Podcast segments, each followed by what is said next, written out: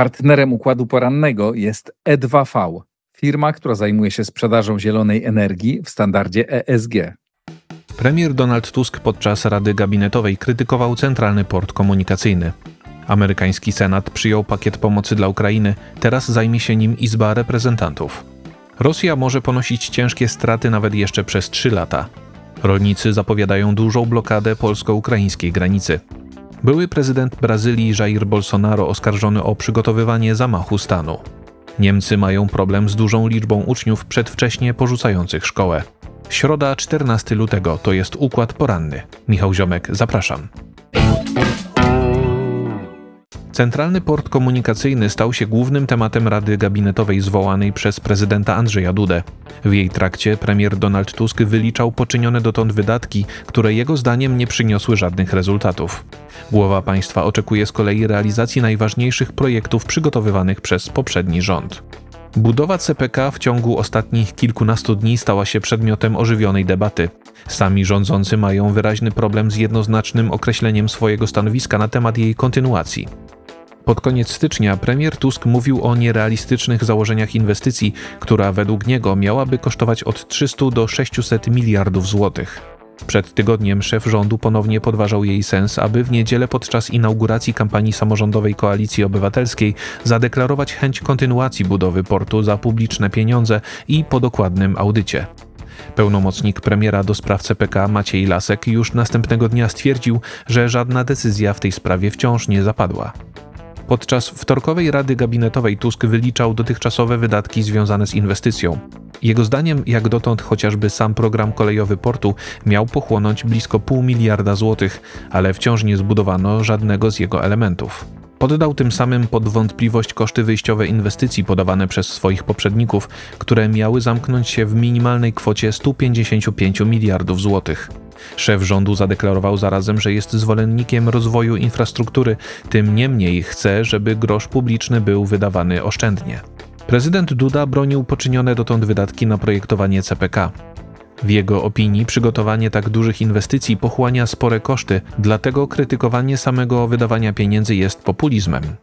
Już po Radzie Gabinetowej Duda podkreślił, że przywiązuje dużą wagę do kontynuowania realizacji kluczowych projektów infrastrukturalnych, czyli budowy CPK i elektrowni atomowych, modernizacji polskiej armii czy rozwoju portów morskich. W trakcie jawnej części posiedzenia Rady Gabinetowej premier zarzucał swoim poprzednikom nielegalne wykorzystanie systemu szpiegowskiego Pegasus i nieprawidłowości przy projekcie małych reaktorów jądrowych. Prezydent podkreślił z kolei konieczność współdziałania z każdą władzą Stanów Zjednoczonych, nawiązując w ten sposób do ubiegłotygodniowej krytyki szefa rządu pod adresem Donalda Trumpa i Partii Republikańskiej. Senat Stanów Zjednoczonych przyjął warty 95 miliardów dolarów pakiet pomocy dla Ukrainy i Izraela. Teraz zajmie się nim Izba Reprezentantów, w której dominują sceptyczni wobec programu wsparcia kongresmeni z Partii Republikańskiej. Ustawa została przegłosowana przez Senat po wielu miesiącach negocjacji i rozgrywek politycznych. Przewiduje ona przekazanie blisko 95 miliardów dolarów na wsparcie Ukrainy, zapewnienie bezpieczeństwa Izraelowi i amerykańskim sojusznikom na Indo-Pacyfiku oraz na pomoc humanitarną dla cywilów w strefie gazy, zachodnim brzegu i Ukrainie. Teraz pakietem zajmie się Izba Reprezentantów. Większość mają w niej republikańscy kongresmeni, którzy poddają pod wątpliwość sens udzielania dalszego wsparcia Ukrainie w jej walce z Rosją. Ustawę krytykuje chociażby sam speaker Izby Reprezentantów Mike Johnson. Uważa on, że Senat nie zajął się w niej bezpieczeństwem Stanów Zjednoczonych, bo nie przeznaczył środków na zabezpieczenie amerykańsko-meksykańskiej granicy. Zdaniem Johnsona rozwiązanie kryzysu migracyjnego jest obecnie najważniejsze dla amerykańskiego społeczeństwa. Prezydent Ukrainy Wołodymyr Zełenski podziękował Senatowi USA za przegłosowanie pakietu pomocowego. Podkreślił, że wsparcie ze strony Ameryki pozwala Ukrainie ratować ludzkie życie przed rosyjskim terrorem. Międzynarodowy Instytut Studiów Strategicznych twierdzi, że Rosja w ubiegłym roku poniosła na Ukrainie ciężkie straty, ale jest jeszcze w stanie kontynuować swój wysiłek wojenny nawet przez następne trzy lata.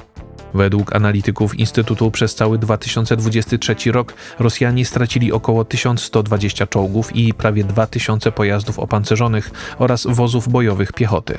Ogółem Kreml wydaje obecnie blisko 1 trzecią swojego budżetu na cele obronne, ale i tak nie jest w stanie zrównoważyć swoich strat. Mimo to, według Międzynarodowego Instytutu Studiów Strategicznych, Rosjanie przy obecnych ciężkich stratach mogą kontynuować swój wysiłek wojenny nawet przez kolejne trzy lata. Wówczas będą musieli jednak postawić na ilość sprzętu kosztem jego jakości, a więc wykorzystywać stare czołgi ze swoich zasobów. Już w tej chwili rosyjscy dowódcy mają uzupełniać zapotrzebowanie na wozy opancerzone i działa artyleryjskie poprzez wykorzystanie zapasów z czasów Związku Radzieckiego. Dyrektor generalny Instytutu Bastian Gigerich powiedział w rozmowie z portalem Politico, że Ukraina znajduje się obecnie w rozpaczliwej sytuacji, ale wciąż może liczyć na dostawy pomocy od państw zachodnich. Zdaniem Gigerisia, Zachód będzie musiał w końcu zdecydować, czy dostarczy Ukrainie sprzęt wystarczający jedynie na nieprzegranie wojny, czy też dozbroi ją, umożliwiając zadanie Rosji decydującego ciosu. Polscy rolnicy 20 lutego zamierzają zablokować wszystkie przejścia na granicy z Ukrainą, a także drogi prowadzące do przeładunkowych stacji kolejowych i portów morskich. Uważają oni, że w celu przetrwania sektora rolnego konieczne jest zatrzymanie masowego importu produktów rolnych za wschodniej granicy.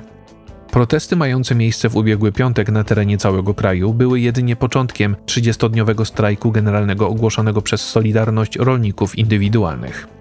Jednym z jego elementów będzie zapowiedziana na 20 lutego blokada polsko-ukraińskich przejść granicznych. W jej ramach rolnicy nie dopuszczą także do ruchu na węzłach komunikacyjnych oraz drogach dojazdowych do przeładunkowych stacji kolejowych i portów morskich, do których trafiają dostawy z Ukrainy. Organizatorzy strajku generalnego wzywają do poparcia ich inicjatywy, ponieważ środowiska rolnicze mają walczyć również o bezpieczeństwo żywnościowe kraju. Zdaniem rolników ich obecna sytuacja jest bardzo trudna i stawia pod znakiem zapytania przyszłość całego sektora.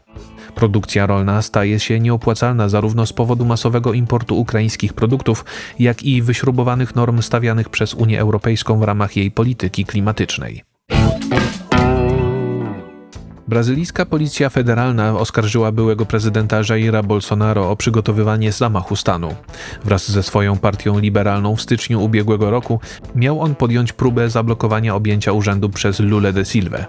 Na początku stycznia ubiegłego roku grupa zwolenników Bolsonaro wdarła się do Pałacu Prezydenckiego, Sądu Najwyższego i Kongresu Narodowego. Wcześniej uczestniczyli oni w proteście przeciwko wygranej lewicowego kandydata w wyborach prezydenckich. Według Policji Federalnej demonstranci zaatakowali budynki rządowe w związku z oskarżeniami o sfałszowanie głosowania poprzez użycie urn elektronicznych. Doniesienia na ten temat miały być kolportowane za pośrednictwem kampanii sfinansowanej przez Partię Liberalną, do której należy Bolsonaro. Śledczy nie skupiali się tylko na wydarzeniach z 8 stycznia ubiegłego roku. Przypomnieli, że zwolennicy byłego prezydenta przez wiele dni demonstrowali pod koszarami wojskowymi, zachęcając armię do powstrzymywania Luli przed objęciem władzy. Innym argumentem przemawiającym za tezą o próbie dokonania zamachu stanu przez Bolsonaro są ujawnione właśnie nagrania z lipca 2022 roku. Ówczesny prezydent Brazylii radzi się na nim ministrów, w jaki sposób powstrzymać jego konkurenta przed wygraniem wyborów. Były prezydent konsekwentnie nie przyznaje się do zarzucanych mu czynów. Pod koniec lutego w São Paulo ma odbyć się duża demonstracja jego zwolenników. Niemcy mają coraz większy problem z dużą liczbą uczniów przedwcześnie porzucających naukę w szkole. Zdaniem minister edukacji Bettiny Stark-Watzinger sytuacja ta stanowi zagrożenie dla dobrobytu kraju. Obecnie w Unii Europejskiej tylko w Rumunii, Hiszpanii i na Węgrzech edukację na zbyt wczesnym etapie kończy więcej uczniów niż w Niemczech. Zgodnie z danymi Eurostatu średnia dla całej wspólnoty europejskiej wynosi obecnie 9,6%, gdy w Niemczech utrzymuje się na poziomie 12,2%. Należy podkreślić, że od 2019 do 2022 roku w państwach unijnych odnotowano pod tym względem ogólną poprawę, za to właśnie w Niemczech nastąpił dalszy regres. Szefowa niemieckiego resortu edukacji wyraziła zaniepokojenie najnowszymi danymi Eurostatu, które mają być zagrożeniem dla dobrobytu całego kraju. Stark-Watzinger wezwała do gruntownych zmian w systemie edukacji, w tym do rozpoczęcia od samych podstaw. Jej zdaniem konieczne jest zapewnienie uczniom lepszej jakości nauki czytania, pisania i liczenia. Pod koniec roku z niepokojem w Niemczech przyjęto kolejne wyniki międzynarodowego badania umiejętności uczniów PISA. Niemieccy nastolatkowie nigdy wcześniej nie osiągnęli równie słabych rezultatów z zakresu czytania, matematyki i nauk ścisłych. Informacje przygotował Maurycy Mietelski, nadzór redakcyjny Igor Jankę. Jeżeli podoba się Państwu nasza praca, serdecznie zachęcam do wsparcia Układu Otwartego w serwisie patronite.pl. To wszystko na dzisiaj. Bardzo Państwu dziękuję za uwagę i do usłyszenia w kolejnym Układzie Porannym. Partnerem układu porannego jest E2V, firma, która zajmuje się sprzedażą zielonej energii w standardzie ESG.